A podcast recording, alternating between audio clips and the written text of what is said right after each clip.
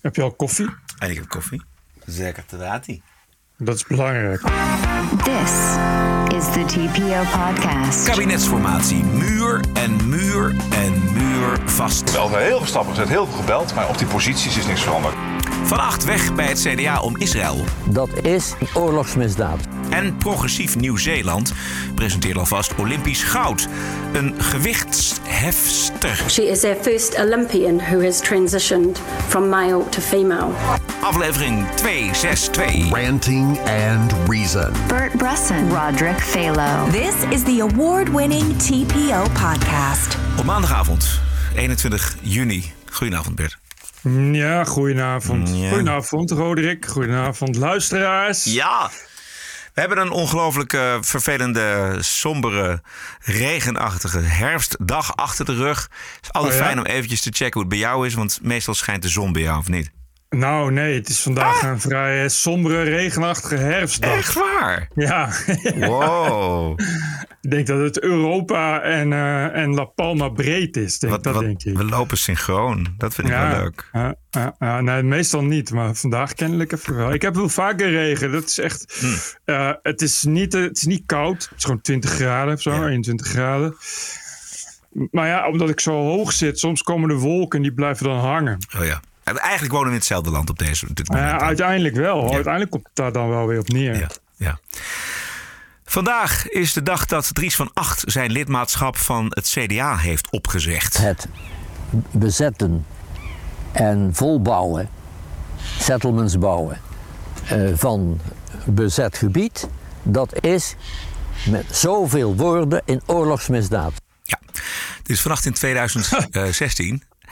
En eh, toen was het ook al eh, eigenlijk wel heel erg ver weg van het CDA. Dus wat dat betreft komt het voor mij niet als verrassing. Het was wel een schok, denk ik, ook voor het CDA. Maar hij heeft het al veel eerder gezegd, dus in 2016. Toenmalig fractievoorzitter Buma voor de camera van Ernst Lieshouwer. Even kort. Dat laat ik helemaal voor hem. Dat is zijn opvatting. Die wijkt al heel lang af van wat het CDA doet. En dat mag. Maar het is niet de opvatting van het CDA. Maar is het niet een beetje vreemd, want hij is toch erelid? Nou moet ik u helaas corrigeren. Want Dries van Acht is geen erelid. En dat zal hij ook nooit meer worden. Nee.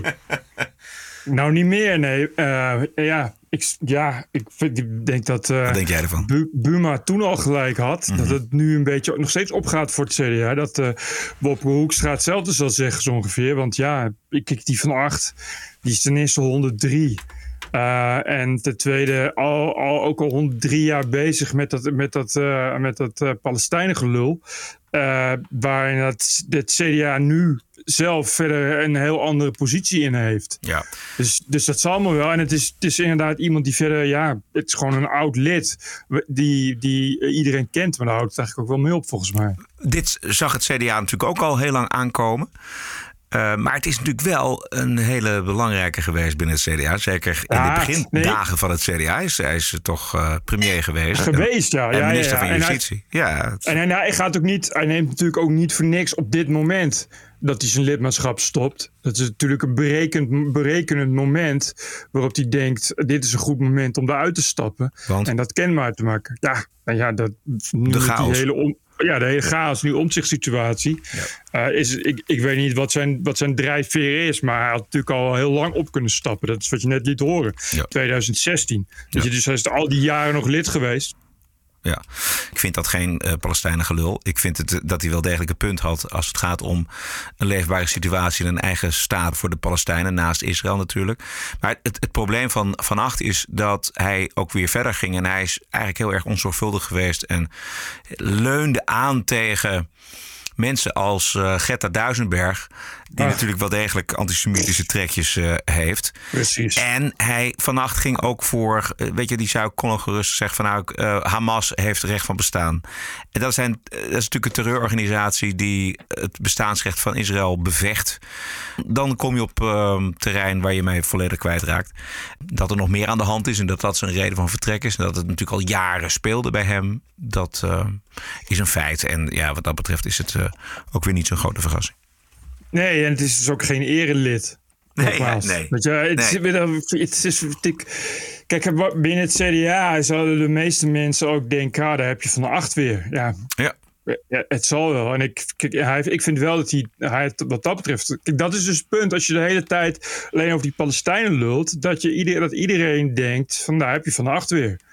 En dan weet je al waar het over gaat. En dat is toch een andere positie dan eh, bijvoorbeeld Wiegel. Om, om maar eens. eh, eh, of of, of Felix Rottenberg bij de PVDA. Of noem allemaal maar alle, alle andere oude, oude iconen op. Ja. Die hebben toch een iets andere positie. Die. Eh, kijk, weer Hans Wiegel, als die een column schrijft in de Telegraaf, kan dat gewoon betekenis nog hebben voor de VVD. Ja. En van, van acht. eh, van acht. Ja, weet het niet. Van acht, laatste keer eh, zat hij bij zomergasten bij Joost Zwaagman. En toen liet hij een fragment van George Samfi, die op zijn panfluit speelt, liet hij zien. En toen zei hij, meneer Zwagerman, de panfluit lacht en de panfluit schrijdt. Hij was een beetje, ook al in zijn taalgebruik, natuurlijk wel heel erg ver verwijderd. Niet alleen van het CDA, maar van ons allemaal. Ja, precies. Het Ja. Is, eh, hij is ook wel echt heel oud, toch? Ja, ja, ja. ja dat is Wiegel ook, maar goed. heel, heel oud. Ja, ja Wiegel is eigenlijk ook al wel heel oud. Hij eh, schrijft in zijn afscheidsbrief: Het gedrag van de CDA-fractie heeft mij diep teleurgesteld en gegriefd. Ik zeg u vaarwel in treurnis. Oké. Oké, precies. Waarvan akte dan? Teleurstelling kan niet op bij het CDA. De partij verloor negen zetels in de peilingen van afgelopen zondag, Maries de Hond. En toch was Hoekstra samen met Rutte en Kaag en Zegers en Ploemen en Klaver vandaag weer bij formateur Hamer, informateur Hamer moet ik zeggen, om te vertellen dat het overleg afgelopen zaterdag, wat de opdracht was van Hamer, helemaal niets had opgeleverd. En toen vroeg een verslaggever vanmiddag aan Rutte. Zou je niet een keer eh, regie moeten gaan nemen? Ja, weet je, dat is eh, prachtig.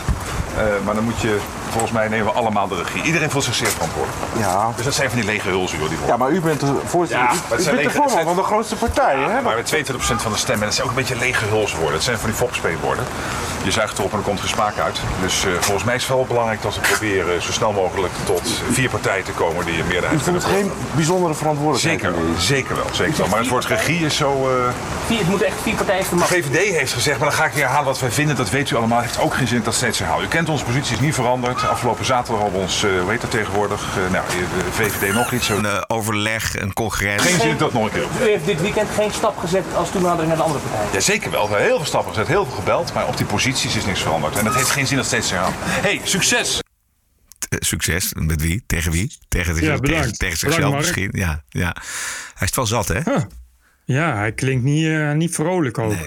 Hij klinkt niet alsof hij er heel veel zin in had. Maar goed. Nee. Eh, ja, hè, ja, het zijn ook vragen waar hij niet veel op kan zeggen. Nee, precies. Kijk, Anders dan je zuigt erop en er komt geen smaak uit.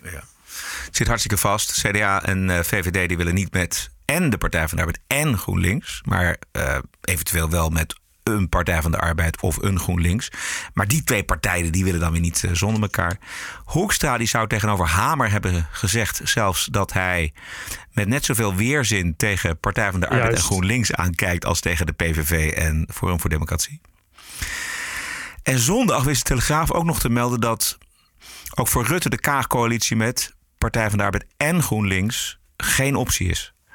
Samenwerken met alleen GroenLinks, nou dat zou dan nog wel een serieuze optie zijn. Maar met hen allebei. En Klaver loopt dan vanavond te roepen, ja, eh, ik vind het allemaal kinderachtig. En eh, CDA en VVD, die kunnen niet van mening veranderen. Nou ja, dat kan hij natuurlijk net zo goed niet. Look who's talking. Precies. Eh, ja, ik geloof dat Hamer. maar dat is dan ook weer raar. Dat is, dan krijg je iemand, Hamer van de PVDA. die dan gaat zeggen: Ja, ik vind het wel heel vervelend dat. Eh, dat jullie niet met, met GroenLinks en de PVDA willen samenwerken. Zegt zij dat? Ja. Ja, informateur van de PVDA. Ja. Die klaagt dat mensen niet met de PVDA willen, willen samenwerken. Ja. WC Eend geeft WC Eend een WC Eend award. Stel je voor dat ze er niet uitkomen. Ik lees Ik weet het ook niet. dat Hamer ook nog een plan B en een plan C zou hebben. En dat een van de mogelijkheden is om Rutte of Kaag een regeerakkoord te laten schrijven. En kijken wie er dan bij wil aanhaken. Dat wil ze nu dan, hè? Maar ja, dan kom je toch uiteindelijk toch weer bij dezelfde situatie als vandaag terecht. Ja, ik snap ook niet. Dan, dan ja, oké, dan, oké, dan schrijven we samen een regeerakkoord. Ja. en dan? Precies, dan heb je dat Het samen zo- Het is geschreven. niet En als, alsof er dan wel partijen zijn, ja, toch? exact. Alsof het, oh, wacht even, bij dit regeerakkoordje. Nee, maar dan willen we wel Partij van de Arbeid en GroenLinks samen. Nee, maar dit maakt dit Nee, is een terwijl- wereld van verschil. Terwijl dat regeerakkoord natuurlijk ook al lang... eh, nou ja, dat, dat is precies wat je bespreekt. Dus je hebt natuurlijk al een idee wat, wat, wat VVD en eh, D66 dan willen. Ja. Ik las dat eh, op 11, pas op 11 of 18 september zal het CDA een extra congres inlassen over de, die Ja. eh, verkiezingen van, van Dat eh, dus ook niet. Ja. En dat is ook de tijd dat het, eh, het ziekteverlof van omzicht ophoudt. Dus die komt terug in de Kamer. En dan Ja, ja. is vervolgens de vraag: welke CDA-leden gaan met hem mee in de groep omzicht? Dan krijg, je, dan krijg je dat. Dan krijg je dat. Dus dat biedt voor VVD en D66 nou nu niet echt een stabiel toekomstbeeld. Nee. En eh, al helemaal niet voor de, voor de achterban. Nee. Ik weet het gewoon ook echt niet. Nee, het nee. is toch... Nee. Nou ja, dan houden we erover op. wij, kunnen ook geen, eh, wij kunnen ook niks voorspellen, weet je wel. Nee, nee, nee. Zullen we het even hebben over COVID? Want eh, ik zag vandaag in het Parool die bericht over een groot onderzoek over de impact van corona, van COVID. 400 mensen zijn overleden omdat er op de IC's geen plek was vanwege de COVID-patiënten. Ja, Het gaat dan om mensen met eh, matig tot ernstig hersenletsel na bijvoorbeeld een ongeval. En ook de behandeling van kankerpatiënten is vertraagd door COVID-patiënten, waardoor meer mensen kunnen sterven aan deze ziekte. Dat blijkt allemaal uit een groot onderzoek over de impact van corona dus. Ehm, ja, dat is vind ik toch wel weer. Dan voel je wel weer met dit soort getallen hoe groot die impact van, van COVID is geweest op die IC-afdelingen Ja, in precies. Nederland. Nu weet je wat, wat het dus betekent. Exact. Als je, als je IC's overvol liggen, dat het dus betekent dat je een ongeluk krijgt en helemaal nergens meer terecht kunt. Of, of te laat in, Ja. in dat geval. Ja, en we hebben natuurlijk altijd, we weten al eigenlijk, het is ons ook voorgehouden en we weten dat dat de, de, de bottleneck was. Weet je wel, we doen het allemaal om die gezondheidszorg open te houden. Ja. En dan toch nog 400 mensen overleden. Maakt me ook alleen maar geïrriteerder naar iedereen die die hele COVID-pandemie maar een beetje wegbonjourde. Van ach, het is, een, eh, het is een griepje en stelt allemaal niet zoveel voor. Ja, en, maar goed, dat, eh, die, dat irriteerde me toch al mateloos. Ja. Het, blijft irriteren. Word die, die coronawappies, ben ik sowieso helemaal zat. Ik, het is echt... eh, nu ook met het vaccin. hè, Hebben we eindelijk een vaccin wat toch een, eh, een, eh, mooie bijdrage is van onze moderne wetenschap. Ja. Het is een fantastische prestatie. Het is onthutsend om te zien hoeveel antivaxers er zijn. En hoeveel nepnieuws er wordt rondgepompt. Want dat nepnieuws rondpompen is niet zo erg. Maar hoeveel dat ook wordt geloofd. Het is echt... Wat je leest op internet af en toe. Dat, ik val elke keer weer toch in een nieuwe verbazing. Terwijl ik toch al heel lang op het internet lees. Maar wat mensen geloven is echt ontzettend. Ja, huiveringwekkend. eh, en als je bijvoorbeeld leest dat die, die, die Belg die nu dood is, die militair, Ja. die toch voor, voornemens was, daarom had hij die wapens gestolen om, om die viroloog, Ja. die van, van Ramst, hoe heet die van Ramst, dood te schieten. Als je ziet dat daar tienduizenden mensen achter hem staan Oh, verstel, jongen. achter die, die terrorist staan. En dus hopen dat ja, de, de, de viroloog, wat, weet je, wat alleen maar een viroloog is ook, Ja. gewoon een wetenschapper, Ja. die, kan het, die verzint het ook verder niet. Dat die hopen dat die wordt bedreigd en wordt doodgeschoten. Dat is toch eh, wel heel beangstigend af en toe, vind ik. Ja. Het gaat eh, voorlopig goed in Nederland, gelukkig maar. Je moet heb- daar een beetje inderdaad afwachten of die, die Delta-variant dan eh, ook naar Nederland komt. Ja, de Indiaanse variant. De Indiaanse variant en wat die, wat die gaat doen. Hoe snel dat is ingeburgerd. Iedereen zegt opeens de Delta-variant. Nee, dat is ook, je ziet die media meteen hop, Ja. zijn meteen om. Ja. Nou, schrijf meteen jij, Delta. Ja, jij dus ook. Jij, ja. Ja. Je leest dat ook en dan neem je dat, neem je dat in je op en dan ben je alweer vergeten wat het was. Dus het is een heel succesvolle, Ja. succesvolle manier, wijze van nieuwspeak. ja, exact. Heb je al twee, twee prikken gehad? Nee, nog eentje. Ik moet er nog één. Volgende week eh, dinsdag gaat hij erin. Oké. TPO Podcast. Zometeen de Wokweek natuurlijk, maar eerst de eindeloze discussie over slavernij, achterstelling en racisme. Ik kreeg eh, van onze man in Londen een geweldig interview waar ik eh, een paar fragmenten van heb. Het is een interview met eh, Dr. Tony Sewell. Hij is voorzitter van een eh, uitgebreide commissie die raciale en etnische ongelijkheid in het Verenigd Koninkrijk heeft onderzocht. En zijn rapport is met afschuw ontvangen door velen, omdat het niet tot de stereotypen en gewenste conclusies komt. Sewell is zelf afkomstig uit een zwarte gemeenschap van immigranten uit de Caribië. Het interview is afkomstig van de Triggernometry podcast. Well, let me tell you what really did stir up the, the problem for this and, and, and why people didn't didn't really think that they, they, they, they grasped it properly or, or they grasped it, grasped it wrongly was that we First of all, we were looking at four areas really education, employment, crime and policing, and health, right? Those are the four. Right from the outset, we did say quite clearly in that report that there was persistent racism in the country. We weren't denying that. That came out straight. That'd be the first interesting thing that came out. So that was one of the first findings that racism exists and it's alive. But then what we did then was we said, but th- th- you can't just understand racism in isolation. It's connected to lots of other things. So, for example, socioeconomic backgrounds becomes the key element here. And then um, you know, you look at other things like the family, cultural factors, geography, where you live. And then what you do then is you once you, you start looking at those other variables and also you bring in the white group into this because they, they actually happen to be human beings as well. Yeah. Then you come out, you, you emerge with a report that basically says this. The key finding here is that um, race disparities exist, but racism isn't the major driver for most of them. The major reason for, for, for, for most of them being there. So that's a kind of strange kind of tension because you're saying that there's a racial disparity, but racism isn't the, the key element.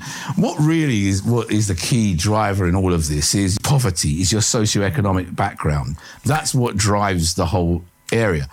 Racisme bestaat, zegt hij, maar op geen enkele manier is dat de drijvende kracht achter ongelijkheid en achterstelling. Dat heeft namelijk alles te maken met in welk gezin je bent geboren, in welke buurt je opgroeit, eh, de culturele Cultuur. factoren waar je woont, precies. Ja, En armoede. niet wat de mensen die dachten van, weet je wel, je moet gewoon eigenlijk voor ongelijkheid en oneerlijkheid is er maar één factor en die factor heet racisme. En hij kwam met een heel genuanceerd beeld. Oh, dat was niet de gewenste uitkomst Nee, natuurlijk. wat hij ook zo mooi eh, ontrafelt in dit interview is de, de stammenstrijd die gepaard gaat met dat antiracisme narratief. Hè? Alsof alle zwarte, alle witte, alle Aziatische mensen zich verhouden tot de categorie waar ze in worden geplaatst in deze discussie. You can't just lump everybody together. So, for example, ethnic minority groups all lumped together. So, the, experience of an Indian doctor in Harrow is is a world away from a taxi driver in Bradford. You know what I mean? Yet we categorize them as Asian.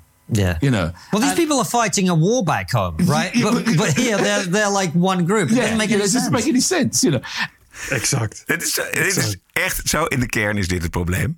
Witte mensen en zwarte mensen en gele mensen, whatever. Weet je wel, dat maakt het voor hen overzichtelijk. Ja. Ja, en dat is dus inderdaad. En dan moet je dus eh, als hoogopgeleide arts in, in Zuid-Londen. moet je je net zo gediscrimineerd voelen. ja. als die taxichauffeur eh, in, eh, in Sheffield of zo. Dan, dan is het lastig om dat dan zomaar op één hoop te gooien. Bovendien, op één hoop gooien is nog racistisch. Ook. Ja, ja zeker. Dat is Tuurlijk, ja. discriminerend. Ja. Maar ja, dat, is, het is, eh, dat, moet dan, dat zou de gewenste uitkomst zijn. Hè?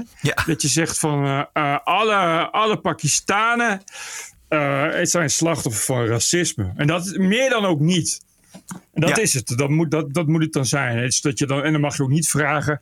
Ja, eh, alle Pakistanen, zijn dat, zijn dat allemaal? Zijn die allemaal taxichauffeur? Hebben die allemaal een avondwinkel? Of zit daar ook een verschil tussen? Dat, dat doet er dan niet toe. Alle Pakistanen zijn slachtoffer. En, en dat komt door racisme. En racisme is van, van de witte man, uiteraard. Precies. En zo wordt het verhaal natuurlijk ook in Nederland gebracht. Het antiracisme verhaal moet een simpel verhaal blijven. En men accepteert niet dat het een gecompliceerde zaak is. Dat eh, ongelijkheid en achterstelling je niet gewoon eventjes allemaal op de hoop van het racisme kan gooien. Nee, het moet gewoon gaan over goed, kwaad en schuld. Juist. Dat, is, dat, dit zijn dus, dat zijn dus eh, ja, typische existentiële problemen die vroeger ook met religie werden opgelost, dus nu weer. Eh, maar dat is dus lastig, want dan vraag je dus iemand om er onderzoek naar te doen en dan blijkt dat, dat zo'n onderzoek natuurlijk niet de juiste uitkomst heeft. Ja, Eh, ja en dat is problematisch met, met, met die onderzoeken. Dus, dus daarom heb je ook veel nuttige idioten nodig. En bijvoorbeeld academici die altijd wel bereid zijn om dan, eh, om dan ja, daar iets nog aan te kunnen veranderen. Ja. Het is niet alleen problematisch, het is gewoon onaanvaardbaar. So, what people didn't want to hear was that message that this thing is complicated. they wanted us to say, look, Tony, look, don't don't give us any of this kind of nonsense. This is it's racism. That is the thing that's driving this thing. But we couldn't just say that because the evidence didn't take us there. I- In our world of identity politics, if you come up with anything that's complicated like this, or say that it's different variables, you can only be one thing. You're either in the race camp or you're out of it. Yeah, and that's it. And if you're out of it, that means you're a race denier, you're a Judas, you've betrayed your race. Het is racisme. En als je dat ontkent, als zwarte Ja, precies. helemaal, dan ben je Judas, dan ben je een ontkenner, dan ben je een verrader. Dat is ook echt, het is gewoon, eh, er is ook geen, helemaal geen uitleg nodig. Het is gewoon racisme. Racisme, racisme. Het is gewoon, daarom zeggen ze het ook zo vaak. Als je maar lang genoeg herhaalt, dan blijft er niks over. Ik zag vandaag in de NSC een mooi opiniestuk van een hoogleraar internationaal recht in Groningen.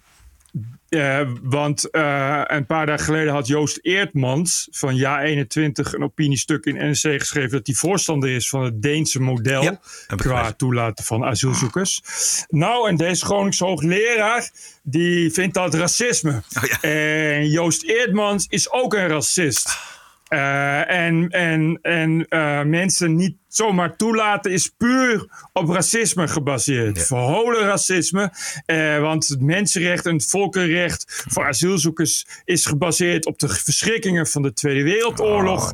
Eh, en mensen moeten eens een keer wat fatsoenlijker doen en aan andere mensen denken. En dit is punt racisme, punt uit. Dat ze dat was nog ongeveer de strekking van- ja, maar dat je zelfs de NSC-reaguurders, want die heb je ook, Ja. die, zelfs die waren het over eens dat het best wel een kutartikel was. Helemaal voor een hoogleraar, want dan ben je dus hoogleraar en dan kom je niet verder dan een beetje ad hominem, zo een beetje schelden. Ja. Dat was echt een heel slecht artikel. Was het, dat een, je, dat je, was het een bekende Ja? hoogleraar eh, met een L of niet? Nee, nee dat, ik, dat, je denkt dat is Leo Lucas. Maar Leo Lucas, die, kan het, die heeft vaak nog wel een haakje. Omdat hij namelijk, eh, ja, die doet die geschiedenis van, eh, van de sociale geschiedenis. Van, van- sociale geschiedenis. Dus die, die heeft altijd dingen van je denkt, oké, dat wist ik niet. Die komt dan altijd van ja, maar 1800 jaar geleden. Toen kwamen die en die groep naar Nederland. En toen Ja, ging ja. het ook zus en zo, weet je wel. Eh, maar dat was, dit, dat was dus het rare. Dit was echt puur en alleen gewoon een beetje... ja, dat had gewoon geschreven kunnen, kunnen zijn door Tineke Seelen of zo, weet je. Of, of, eh, of door, weet ik veel, eh, door, door een van de extreem linkse idioot. Terwijl, en dan ben je hoogleraar. Dat is gewoon ernstig is dat. En wie het hele interview wil eh, horen met deze Tony Sewell, die kan naar de Trigonometry podcast. En dan gaan wij in de tussentijd naar de Wokweek. Naar de tenen, de lange tenen. I was offended and I have rights. TPO Podcast. You're an adult. Grow up. Deal with it. I don't care. care. Eh, de berichten uit de open inrichting natuurlijk. Mensen, bedrijven, instanties die zich een slag in de ronde deugen. Die buigen voor de terreur van de identiteitsideologie. Eentje die al een tijdje op het lijstje stond, maar er steeds net overheen valt, is het ANP dat eh, deze maand is overgestapt op eh, genderneutrale voornaamwoorden. Ja. Bronnen of andere mensen in het nieuws die aangeven niet als man of vrouw aangeduid te willen worden, krijgen niet langer hun voornaamwoorden hem of haar, maar die, hen of hun. En dan zegt de hoofdredacteur Freek Staps van het ANP: We gaan met deze aanpassing in ons stijlboek mee met maatschappelijke ontwikkelingen. En dat is eigenlijk altijd het verhaal wat je hoort als er dit soort taal wordt eh, ontwikkeld of opgevolgd in dit geval. Ehm, ik vroeg mij onmiddellijk af, hoe kan het ANP precies weten dat iemand zich met een bepaald voornaamwoord wenst aangesproken te Ja, dat snap ik ook niet. Maar volgens mij gaat het dan over mensen die dat eh, ook als zodanig kenbaar hebben gemaakt. Ja. En, dat zijn er en- enkelen. Maar eh, anders, anders, ja, anders weet ik het dus ook niet. Nee. Want dat is heel raar inderdaad. Je weet natuurlijk niet... eh, ja, bij een man of een vrouw weet je dat. Maar je weet niet als mensen zich met, met, met meervoud willen aanspreken. Hen, hullie of zo.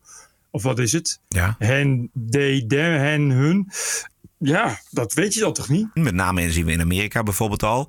Is het eh, Ja. dus bijna een soort van sociale verplichting om in Zoom-gesprekken je niet alleen voor te stellen met je naam, maar ook met hoe je aangesproken wil worden. En wie Ja. heeft in Europa daar nou al het goede voorbeeld van gegeven? Dat is Eurocommissaris Frans Timmermans.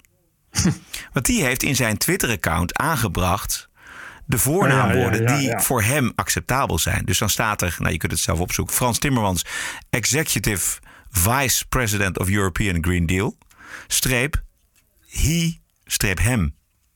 Ja, heel goed Frans. Applaus voor Frans. Anders, anders zouden we maar denken dat Frans Fransen is. Eh, en dat we, dat we hun moeten aanspreken als hen. 99,99% wil toch gewoon aangesproken worden als hij of zij? Oké, maar dit is, wat? dit is de gedachte. De gedachte is, als je eh, dat aangeeft, dan ben je of transgender of, of genderfluïde. Maar om deze mensen nou niet in verlegenheid te brengen, eist de Woke-brigade dat we allemaal met onze voornaamwoorden voorkeuren voor de dag Ja, ja. Oké. Anders stigmatiseer je weer een groep. Een groep die zo nodig moet zeggen: ik wil graag zo en zo worden aangesproken. Vandaar Oh. ook dat Frans Timmermans al het goede voorbeeld geeft. Die is, dat is een hetero man. En die, maar die zegt wel: van ik wil zo en zo aangesproken worden. Dat is voor ons allemaal overbodig. Maar je, je sluit je aan bij de woke-eisen. Ja, da- ik ga dan maar stigmatiseren. Ik bedoel, eh, ja, ik doe er niet aan mee. Ik vind Nee, het zo'n onzin. Ik ga niet, voor, voor, eh, voor klein, heel klein groepje. Het zijn echt letterlijk enkelen. Ja. Is het, is het echt onzin om daar dit soort dingen voor op te gaan tuigen? En als iemand. Ik ga niet eerst vragen aan mensen hoe ze aangesproken willen worden. Ehm, ik had nog een wetsvoorstel in Groot-Brittannië om anti-dierenuitspraken strafbaar te stellen.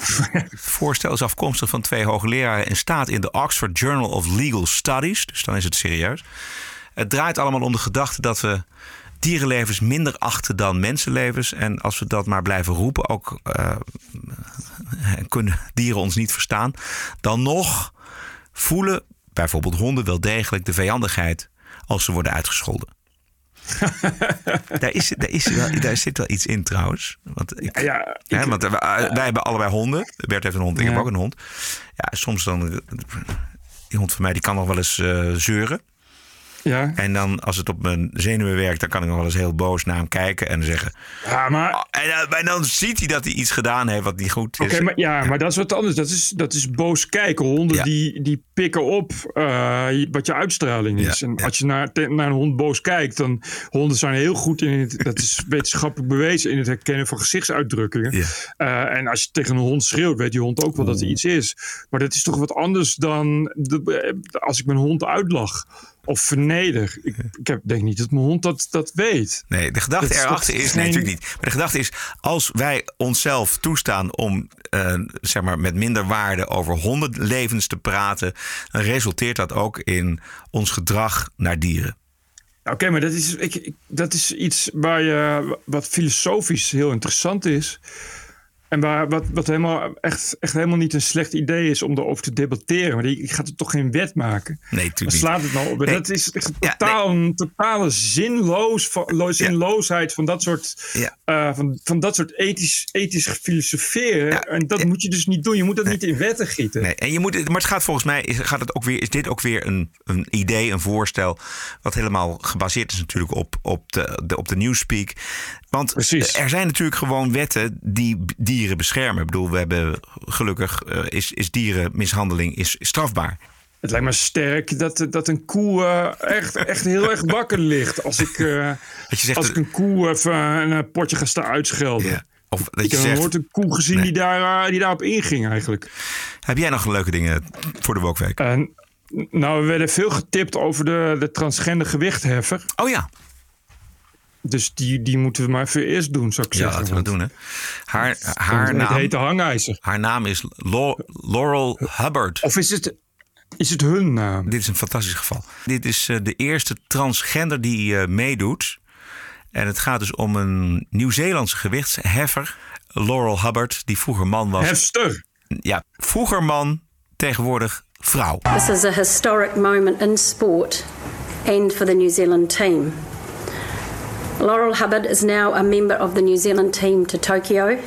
She is our first Olympian who has transitioned from male to female. Zij voldoet aan de, het officiële testosteronniveau, heb ik gelezen. En gaat Ja. op alle onderdelen goud halen, want biologisch nog steeds een man. Als je haar ook ziet ook. hè. Ja, ja, ja, ja, ja, ja. Wie daar nou geweldig over kan praten, dat is natuurlijk de podcaster Joe Rogan. Ja. Eh, hij is zelf martial arts vechter geweest. I think you should be treated like a, a, a member of society with all equal rights and equal respect and equal love. But we're not talking about being a member of society. We're talking about competing. But isn't if you're a competition part of 300 pound society, person though? and you identify with being a 100 pound person Yeah. and you want to compete with the 100 pound people, Yeah. that's not fair, right? But that is well, if you're a biological male and you have all these physical advantages of being a biological male, but you identify with being a female and you want to compete as females, which is what we're seeing in high Yes. schools, where I don't think in some schools they're not even required to do anything. I think that's correct. Which is fucking bananas, right? And this is what drives these kids crazy. Because if you are a biological female, you know there's a distinct advantage to having that testosterone. And this is what they're this is what they're Yeah, no, dealing and I see it's I- ideology Yes. that flies in the face of science, Yes. and people are embracing the ideology because they want to be compassionate, they want to be progressive, and they don't want people to get mad at them. Yep, dat worden weer veel houdende mensen op de, op de redactievloer van Spotify, vrees ik. Ja, wat o- ook een grappige opmerking is dat je ziet dus wel in de sport, krachtsport, zie je dus de veel verandering van mannen die vrouw worden en dus in, bij, Ja. de, bij de vrouwen gaan. Maar andersom zie je het niet. En dat is heel duidelijk Andersom zie je het waarom niet, hè? Dat is wel heel raar, inderdaad. Ja, Je zou toch, toch denken dat er dan, eh, dat er dan ook vrouwen zijn die, die transitioneren naar man. Eh, en dan eh, willen meevoetballen en zo. Ja, dat, dat hoor je niet. Nee, of, je, of, of krachtsport. eh, eh, gewicht gewicht heffen. heffen. Ja, precies. Nee, dat gaat dus niet Heel lukken. raar. Nee. Of worstelen. Het zijn inderdaad ook van, van, die mannensporten. Waar dan inderdaad ineens eh, eh, eh, zogenaamd vrouwen ineens, eh, die, die vroeger man waren, ineens willen meedoen. Ja. Het is nooit, nooit, de andere sporten hoor je het niet echt zo. Kijk, de hele discussie gaat over. Natuurlijk heeft het Olympisch Comité gezegd. bepaalde testosteronwaarden moet je hebben. Daar moet je onder zitten. Nou, dat schijnt Ja, niet, niet zo ingewikkeld te zijn. Maar wat het punt is natuurlijk. als je 35, als je 30, 35 jaar bent opgegroeid als man. eh, met die testosteron. dan, dan is je hele fysiek, je hersenen. De mate waarin je kunt herstellen. mentaal. Spieropbouw, daar kunnen vrouwen niet van winnen. En bovendien zegt die Rogan ook nog, dat is ook zo mooi. Weet je, we hebben toch verschillen. We hebben toch verschillende leagues. We hebben toch mannenvoetbal, vrouwenvoetbal, mannen schaatsen, vrouwen schaatsen, mannen eh, atletiek, vrouwenatletiek. Waarom is dat? Dat is om het eerlijk te maken. Wat Rogan ook al zegt, die scheiding geeft al aan dat er een biologisch verschil is. Juist. Waar, waar je, niet, waar je niet, niet aan ontkomt. Dus dan moet je niet zeggen, ja, ik voel me vrouw, dus nu mag ik bij de vrouwen eh, gaan sporten. Ja. Ja, dat, je, je voelt je wel vrouw, maar biologisch ben je nog steeds een man. Ja. dat is dan heel kwetsend allemaal, maar ja. Het is zo. Ga dan niet, ga dan niet sporten. Nou ja, weet je, het is ook. eh, je hebt het over eerlijk. En wat is dan eerlijk? Die zijn, er zijn vrouwen, dat zegt die Rogan ook op een gegeven moment. Er zijn, weet je, je piekt als atleet tussen je twintigste en je dertigste. Daar zijn vrouwen die daar alles voor opgeven. Tien jaar lang alles voor opgeven om iets te bereiken. En dan komt er op een gegeven moment zo'n een transgender. Die dus vroeger man was en tegenwoordig vrouw. En die gaat met alle medailles er vandoor. Want je hebt je geen enkele kans tegen zo iemand.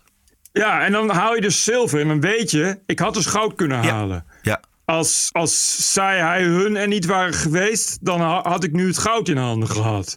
Maar omdat, ik, omdat iemand anders vindt dat je die mensen niet mag kwetsen of zoiets, maar heb ik nu geen goud. Wat totale waanzin is. Het lijkt wel een slechte roman ook waar je dan in zit, volgens mij. Het is gewoon niet, niet te doen meer. Hè? Wat je dan ook krijgt, dat zit ik al een tijdje op te wachten, op de discussie of we nog wel een onderscheid moeten maken tussen de Olympics en de Paralympics. Ja, exact. Ja, dat is ook een goeie. Ja, want ho- hoezo? Dat is Ja. abelis- ableism. Het, het, eh, voor eh, gehandicapten moet gewoon volwaardig meetellen. Juist. Ook in de sport. Ja. Dus dan moeten de, de, de eisen verlaagd worden. Ja, ja. Naar, naar, zodat gehandicapten, dus, dus basketballen mag dan alleen nog maar eh, met een heel laag basket. eh kogelstoot. nee, ja, maar dat, dat is wel, denk ik, eh, iets wat, wat, waar je op, ga- op ga- kunt gaan wachten. Ja, zeker. Dat, daar kun dit, je op dit, soort, uitkomen. dit soort crap. Ja, precies. Terwijl, ja, dat is dat moet je gewoon. Ik snap gewoon niet waarom. maar Dat moet je gewoon kunnen zeggen. Dit is gewoon niet erg om te kunnen, om te zeggen, ja, eh, je moet dan een aantal eisen voldoen om mee te kunnen doen. Ik, ik- en, en, zo, en als je daar niet aan voldoet, ja, jammer dan. Ik snap niet wat er gebeurd is met jammer dan. Jammer dan en accepteer het. Wat daar, wat daar is dat weg of zo. Ja, is goeie. Sorry. als, je, als je bij de commando's wilt, Ja. dan is als vrouw is dat niet verboden. Je mag, bij, je mag je aanmelden bij de commando's als vrouw. Het is alleen zo dat vrouwen dat niet, niet halen. Omdat het, het fysiek te zwaar is. Weet je, dat is, wat, maar wat moet je straks? Dan moet je als commando's dan gaan zeggen... we gaan de eisen zo ver verlagen dat vrouwen ook mee kunnen doen. Weet je, ja, dan ben je van je meteen van je special forces af. Want dan heb je special forces die niet meer, niet meer zijn opgeleid tot special Ja. forces. Maar Nou ja, tot, Daar, daar eh, hopen China en Rusland natuurlijk op dat dat op een gegeven moment gaat gebeuren. Dat het Ja. Westen zo verzwakt is, de militaire capaciteit. Dat dat op een gegeven moment gewoon kwestie is van eh, binnenlopen. Even nog iets anders. eh, Bert. Werknemers die klagen over het plaatsen van een Israëlische vlag buiten Europa's grootste digitale uitgeverij, Axel Springer. Die mogen op zoek naar een nieuwe baan van de grote baas. Hij zegt, eh, dat is een enorm, dat is een gigantisch bedrijf is dat, 16.000 werknemers. En zij hebben toen in tijden van het laatste conflict Israël-Gaza, hebben ze de Israëlische vlag opgehangen. En er waren dus allerlei mensen die zeiden van ja, dat kan niet en eh, dat mag niet. En hij zegt dan, ik denk, en ik ben daar heel eerlijk in tegen u, dat iemand die een probleem heeft met een Israëlische vlag, die hier een week na antisemitische demonstraties wordt gehezen, een nieuwe baan moet zoeken. Dat heeft hij in een videoconferentie gezegd. Ja, geweldig hè? Ja, vond ik zo goed. Wij steunen het Joodse volk en het bestaansrecht van de staat Israël staat op de website als een van de vijf essentiële waarden bij Axel Springer. Jesus, really? Ja, it is. It is. Wow, hij heeft wel lef inderdaad, zeg. Ja.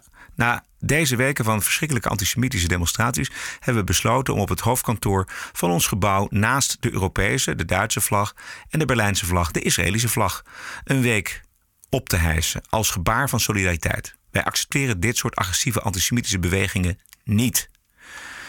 Zegt, hoe heet hij? Matthias Dupfer. Kijk, Ik dat vind is, het echt geweldig. dat is nog eens een man met een, eh met een rechte Dan rug. heb je wel, dan heb je wel echt ballen. Hè? Dat je ook gewoon die vlag gaat hijsen. Ja. Dat is natuurlijk een, natuurlijk een mooi statement. Mooi statement kun je niet maken. En hij heeft natuurlijk per definitie een punt. Want hij- je mag ook de Palestijnse vlag ophangen. Als, als statement voor de partij waar jij voor bent. Dus waarom niet de Israëlische vlag? Ja, hij niet doet, waar? Precies, hij doet de Israëlische vlag. En ik denk dat het wat zo mooi is aan zijn. Dit heeft hij dus in een videoconferentie gezegd. En dit maakt hij dus in één keer duidelijk aan 16.000 werknemers. Als het je niet bevalt, opzouten.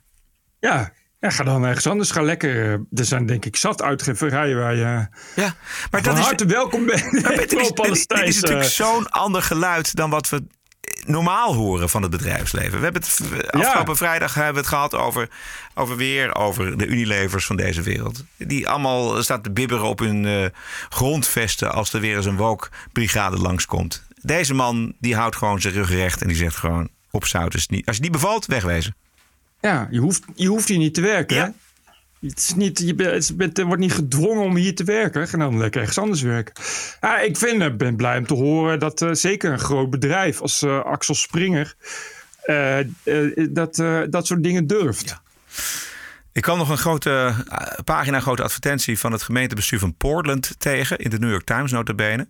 Want toeristen, bedrijven, kom alsjeblieft naar Portland, want wij zijn een stad waar, ja, mensen met passie wonen. En nee, het niet zo erg is als u denkt. Portland, weet u wel, de stad van anarchie, van Antifa, Waar ooit een burgemeester bezette zone heeft uitgeroepen tot de City of Love. Bedrijven vertrekken, bewoners vertrekken. En nu is er dus een campagne, een reclamecampagne nodig om die bedrijven weer naar Portland te- terug te krijgen. Ja, nou, die bedrijven zullen wel niet meer terugkomen, denk ik. Ik denk het ook niet. Die zullen wel, eh, wel graag willen dat er eerst een andere burgemeester komt. En een andere gemeenteraad. Ja. En gewoon weer politie op straat, om eens wat gekke dingen te noemen. denk- Het is wel een beetje bizar dat je dan gaat adverteren met het bedrijf, kom hierheen. Nou ja, kom naar het ondernemersvriendelijke Portland. Oh nee, wacht. Ja, precies. Ik denk Ja. dat ze, en misschien dat ze nog wel proberen om met eh, lage belastingen bedrijven te, te lokken. Maar er is dus echt heel veel gebeurd daar. Dat die bedrijven dus vertrokken zijn. En we hebben die beelden allemaal gezien. Huizenblokken die in brand werden gestoken. Ik denk dat gewoon ook niemand daar nu nog wil zitten. Dit is natuurlijk wel een beetje een beeld wat je gaat kleven. Dus ik zou zeggen tegen de burgemeester, eh, stap op. In Seattle Ja, niet ver van In Portland. Seattle, niet ver van Port, hebben ze eh, eh, deze maand Pride Maand. Ja, welke overal. stad niet? In de hele wereld. Precies. Overal. Ja. Eh, maar in Seattle eh, kun je daar als, als eh, eh, zwarte en Aziat, even kijken, wat is BIPOC? Als BIPOC, is Black Indigenous and People of Color, kun je gratis deelnemen. Maar als je als blanke wilt deelnemen, moet je tussen de 10 dollar en 50 dollar betalen. Dat meen je niet. Dit meen je niet, Ja, en dat is. en dat is, die bedragen worden herstelbetalingen genoemd. Nee, nee maar dat, dat, dat Kijk, mag toch helemaal het- niet? Ja, ja, dat zou je denken. Even kijken. Eh, all, are all are free to attend. However, this is a black and brown queer trans-centered prioritized valued event. White allies and accomplices are welcome to attend, but will be charged between 10 en 50 dollar ja, reparations fee. Oh. Dus ja, re- eh, repairment. Dit is racisme, dit is discriminatie, dit is oplichting. Het staat ook gewoon in de foldertjes, begrijp ik. Holy moly. Het, is- ik, het is geen, eh, ook geen, eh, volgens mij geen eh, de post-millennial. Het is gewoon een normale, op zich een normale eh, website, toch? Vrijdag meer woke. What a woke week it was. This is the TPO Podcast. TPO Podcast. Geen subsidies, geen commerciële invloed. De TPO-podcast is 100% onafhankelijk geluid. En de grote vraag is, wat is het je waard? Ranting and Reason. Elke maandagavond zien wij wat het je waard is. Een euro per aflevering, of misschien meer. Zeven donateurs. Zeven inzenders. Jacco, heren, ik geniet enorm van jullie werk. Gek genoeg dwong Bets opmerking: voetbal is emotie, me nu toch eens in de bankier-app. Ik hou niet eens van voetbal, maar wat een professionaliteit. Het door mij zojuist gedoneerde bedrag staat om eerlijk te zijn in geen enkele verhouding tot het door mij genoten eh, luisteren sinds aflevering 25. Maar tja, ik moet op dat vlak nog beter leren deugen. Ik ga er zeker aan werken. Veel complimenten en alle goeds en zo. Jacco. Jacco, dank je. Bedankt Jacco. Bart uit Eindhoven. Beste Roderick en Bert. Nu kan ik niet meer ontkennen een vaste luisteraar te zijn en daarom doneer ik graag 50 euro. Ik luister niet in mijn eentje, maar heb het grote geluk dat mijn vriendin ook trouwe luisteraar is. Via deze weg moedig ik haar dan ook graag aan om ook te doneren. Mogen het een steentje bijdragen aan het bestrijden van de wookgekte met vriendelijke groet Bart uit Eindhoven. Bart en vriendin van Bart. Hartelijk dank. Eh, Willem ter Haar, beste Bert en Roderick. Na het verhaal over de macht van de subscribers op krantensites vroeg ik me ook gelijk af of de donateurs van de TPO-podcast niet dezelfde invloed hebben. Zouden jullie dezelfde donaties krijgen als jullie andere zaken zouden aansnijden snijden en niet door de luisteraars zo geprezen columns als de Woke Week? Eh, ja, maar we gaan het is- toch doen. Ja, dit is een hele interessante. Ik Ja. mag er even iets over zeggen. Want dit is precies waar het om gaat. Ja. Dus, kijk, wij krijgen heel vaak e-mails en berichten via eh, Facebook en anderszins. Dat we da- andere zaken moeten vinden die we vinden. En Bert en ik zijn allebei daar zo ontzettend allergisch voor. Dat we volledig onze eigen weg gaan. Er is al zoveel bedacht. En voor een doelgroep. Ja, je, het is in elk geval oprecht en, Precies. eh, en authentiek. Ja, daar gaat het Dus ja, dan, dan daar gaan blijven mensen luisteren. Eh, ik blijf hoe dan ook luisteren en waar nodig doneren. Tot het moment dat TPO me ook White Guild gaat proberen aan te praten. of het de stad van een hoop van Halsema serieus gaat verkondigen. Dan ga ik maar geld in een nabijgelegen sloot gooien. Het is heerlijk om naar jullie te luisteren. Vooral ook doorgaan. Dank 50 euro luistergeld is onderweg. Groeten Willem ter Haar met een PS. Ik heb ooit eerder gedoneerd en me lange tijd heel beledigd gevoeld over het feit dat mijn mailtje toen niet werd voorgelezen. Oeh. Maar na tientallen keren Steve Hughes te hebben gehoord hoe kleinzerig gekwetste mensen soms kunnen zijn, moet u maar niet langer aanstellen en gewoon weer gaan waarderen. Heel goed, Willem. Zo Sorry. leer je nog eens wat. Ja, maar het was, is niet de bedoeling, Willem. Bij deze is het helemaal 100% recht ge- getrokken, wat, wat ons betreft. En hopelijk wat jou betreft ook. Ja. Herman de Man. Ah, Herman. Herman de Man. Ja, die kennen we. Ik kennen we Herman de Man? Ja, ja. Doneert Waarom vaker. kennen we... Oh, oké. nou dan, ik, ik, het zegt me vaag iets. Maar ja, het kan ook zijn dat het een man is, die, of een naam is die zo klinkend eh, klinkt. Anyway, Herman de Man. Beste Bert en Roderick. Onlangs ben ik gestopt om via Patreon aan jullie te doneren. Niet omdat jullie meningen niet overeenkomen met de mijne, maar omdat ik een andere manier van geven prettiger vind. In aflevering 259 was er in de, was er in de podcast aandacht voor luisteraars die door middel van negatieve reacties of het dwangmatig sturen van tips bij jullie een bepaalde mening willen afdwingen. Dat is het dus. Natuurlijk, na- natuurlijk moeten jullie hier niet in meegaan. Net zo min jullie aan de leiband van sponsoren moeten lopen. Het idee van value for value is, zoals ik het begrijp, dat jullie vanuit eigen opvattingen en overtuigingen waarde creëren voor anderen, die op vrijwillige basis deze waarde kunnen belonen. Wanneer luisteraars een echoput willen beluisteren, kunnen ze ergens anders terecht en is de podcast voor hen dus niet waardevol. dat is het. Dus heren, ga zo door. Groet Hendrik de Man. Goed samengevat. Heel goed samengevat, dankjewel. Jet Segers. Beste Bert en Roderick. Sinds enige tijd luist- luister ik met veel plezier en ongelooflijk veel instemming naar jullie geweldige podcast. Mijn zus Connie, die enkele maanden geleden tot mijn grote verdriet overleed, maakte mij attent op jullie podcasts. En de rest is history. Ik ben fan. Mijn zus was de queen of one-liners en had altijd een snel antwoord op wokeness.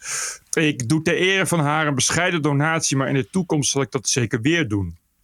Groet, Jet. Dankjewel, Jet. Gecondoleerd met je zus. Axel van der Heijden. Beste Bert en Roderick, zojuist 104 euro gedoneerd. Het werd hoog tijd na alle afleveringen waar ik als trouwe luisteraar van heb mogen genieten. Ik ervaar het als zeer prettig om naar twee wat rechtsere mannen, maar dat is mijn invulling, te luisteren die tevens kritisch durven zijn over alles en iedereen, over het gehele politieke spectrum. Alweer een tijdje geleden hoorde ik vooral Roderick nog regelmatig over Vrij Links. Die zijn nu naar mijn idee een tijd van de radar. Hebben jullie enig idee hoe het die beweging vergaat? En denken jullie dat op termijn een linkse partij in Nederland, bijvoorbeeld de PvdA, de Deense Sociaaldemocraten achterna zal gaan? Hier ligt volgens mij een electoraal gapend gat. Ga zo door met vriendelijke groet. Axel van der Heijden. Ja, Axel, dat eh, denken wij ook dat daar een gapend gat is. Daar hadden we het net over. Maar eh, wij kennen Eddie Terstal en ik ken zelf ook uh, Keklik Jussel eh, van de beweging Vrij Links. Maar ik geloof niet dat ze met de huidige leiding van de Partij van de Arbeid veel van doen hebben. Het had wel een kans dat Vrij Links bij de Partij van de Arbeid onder eh Ascher. Maar dat is eh, sinds die weg is. En Ploem is daar helemaal niet van. En er zijn meer mensen Nee. helemaal niet van. Het vinden allemaal, die vinden dat allemaal eh vreselijk. Houden vast aan de identiteitspolitiek. En daar is Vrij Links juist nou helemaal niet van. Exact. De laatste, Kees uit Winterswijk. Hoi Bert en Roderick. Zojuist een kleine donatie gedaan, maar daar mail ik niet voor. Wat is het intro-deuntje voor waarderen en doneren? Het rammelt wel lekker weg, vind ik. Dus ik was benieuwd van wie dit afkomstig is. Met vriendelijke groeten, Kees uit Winterswijk in de mooie achterhoek. Ja, dat is een goeie. bedoel je nou die eerste of bedoel je de tweede? Ja, dat, dat weet ik niet. Even Ik kijken, pak hem even bij. Kijk, als je dit bedoelt... TPO Podcast. Dit is eh Jaja the Cat. Dan weet je het misschien wel. Als je dat kan opzoeken, dan vind je het wel. Jaja the Cat. Ranting and Reason. Heel klein stukje daaruit. Bijzonder eigenlijk dat eh, YouTube het nog niet eh, herkend heeft. Maar eh, Dat gebruik ik. Maar die andere tune, die heb ik ook ergens gevonden. En die is zo volledig onbekend dat ik ook de naam niet weet. Maar dat is deze. Dit is de TPO-podcast. Een eigenzinnige kijk op het nieuws en de nieuwsmedia. Twee keer per week, elke dinsdag en elke vrijdag. 100% onafhankelijk, want zonder reclame en zonder een cent subsidie. The award-winning TPO podcast. Wat is het jou waard? Een euro per aflevering, 104 euro per jaar of kies zelf een bedrag. Waardeer en doneer op tpo.nl slash podcast. De TPO-podcast. Wat is het je waard? Dat is de vraag. En wil je schrijven? Dat kan naar info.tpo.nl. TPO Podcast. Ladies and gentlemen, the President-elect of the United States. This is CNN breaking news. We have never, ever, ever, ever failed in America. It's an incredible way of putting it. Telling the truth matters. It's an incredible way of putting it. This is a Russian intelligence disinformation campaign. Why isn't Joe Biden angrier about all of this? How stupid can you be? This is a classic example of the right wing media machine. It just lacks credibility. Go ahead. Morgen, dinsdag, kunnen de Democraten hun burgemeesterskandidaat kiezen in New York. De huidige burgemeester, de linkse Bill Blasio, die is eh, natuurlijk één grote teleurstelling geworden en doet ook niet meer mee. Die durft gewoon niet meer mee te doen, Bert. Ehm, Terecht. En dat komt natuurlijk omdat alles wat hij zo'n beetje gedaan heeft niet verder komt dan symboolpolitiek. Hè, de, Ja. echt, de echte problemen, de echte zorgen van de stad, die eh, werden niet opgelost. Het is het bekende verhaal, kletsverhalen over gelijkheid en En hoop Ja, is overal om ons heen aanwezig. En het aantal schietpartijen in de stad is in twee jaar tijd verdrievoudigd. Om maar een voorbeeld te geven. Er zijn vier Ja. kandidaten. Er is een oud politiechef. Er is een topambtenaar met een aanbeveling van de New York Times. Er is een eh, burgerrechtenactiviste. En er is een oud presidentskandidaat, Andrew Yang. En voor hem op één staat de veiligheid in de stad. En niet alleen de schietpartijen, maar ook de overbevolking in de straten van zogenaamde verwarde personen. The fact is, mentally ill, uh, homeless men are changing the character of our neighborhoods. Uh, a woman, uh, my, my wife Evelyn is friends with in her mom group in Hell's Kitchen, was punched in the face by a mentally ill man. Sent a picture of her bruised face around the mom group, spread like wildfire. This is happening in New York City, and we're not talking enough about it. Families are leaving as a result. In East Harlem, the neighborhood has been changed. Upper West Side, the neighborhood has been changed.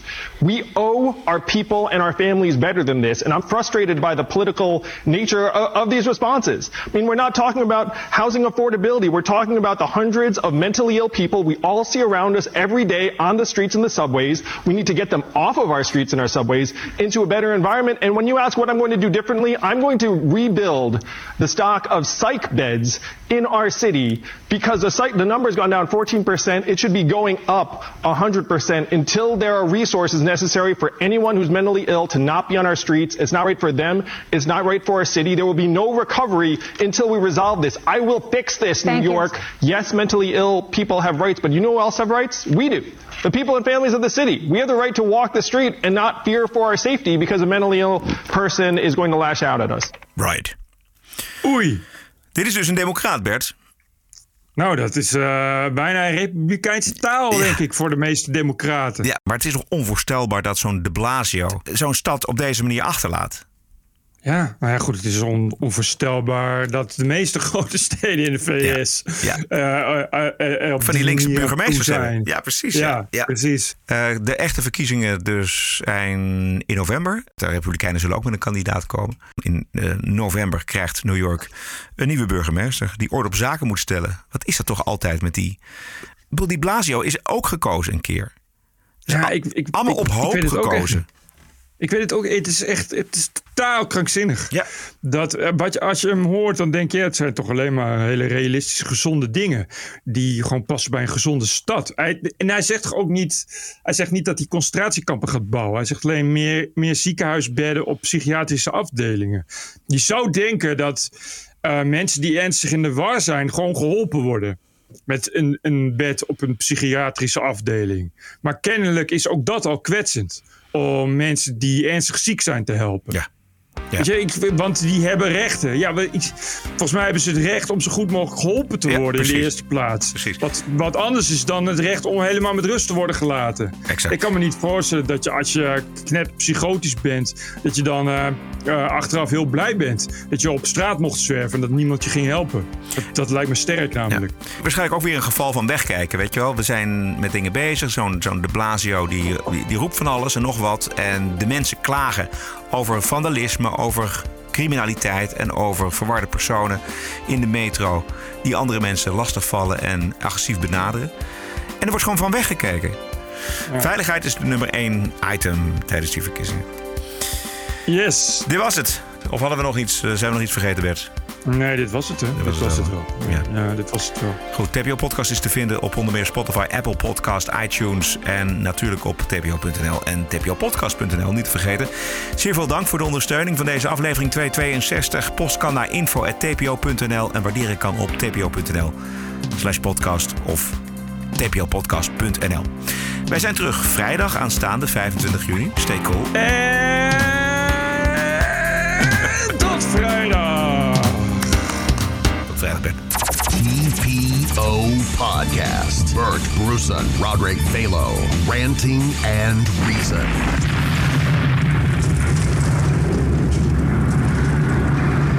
Fucking bananas. Podcasting is the TPO podcast in the Netherlands. Bert and Roderick. What a show. I'm telling you. Keep the show running. Go to tpo.nl slash podcast. Thank you.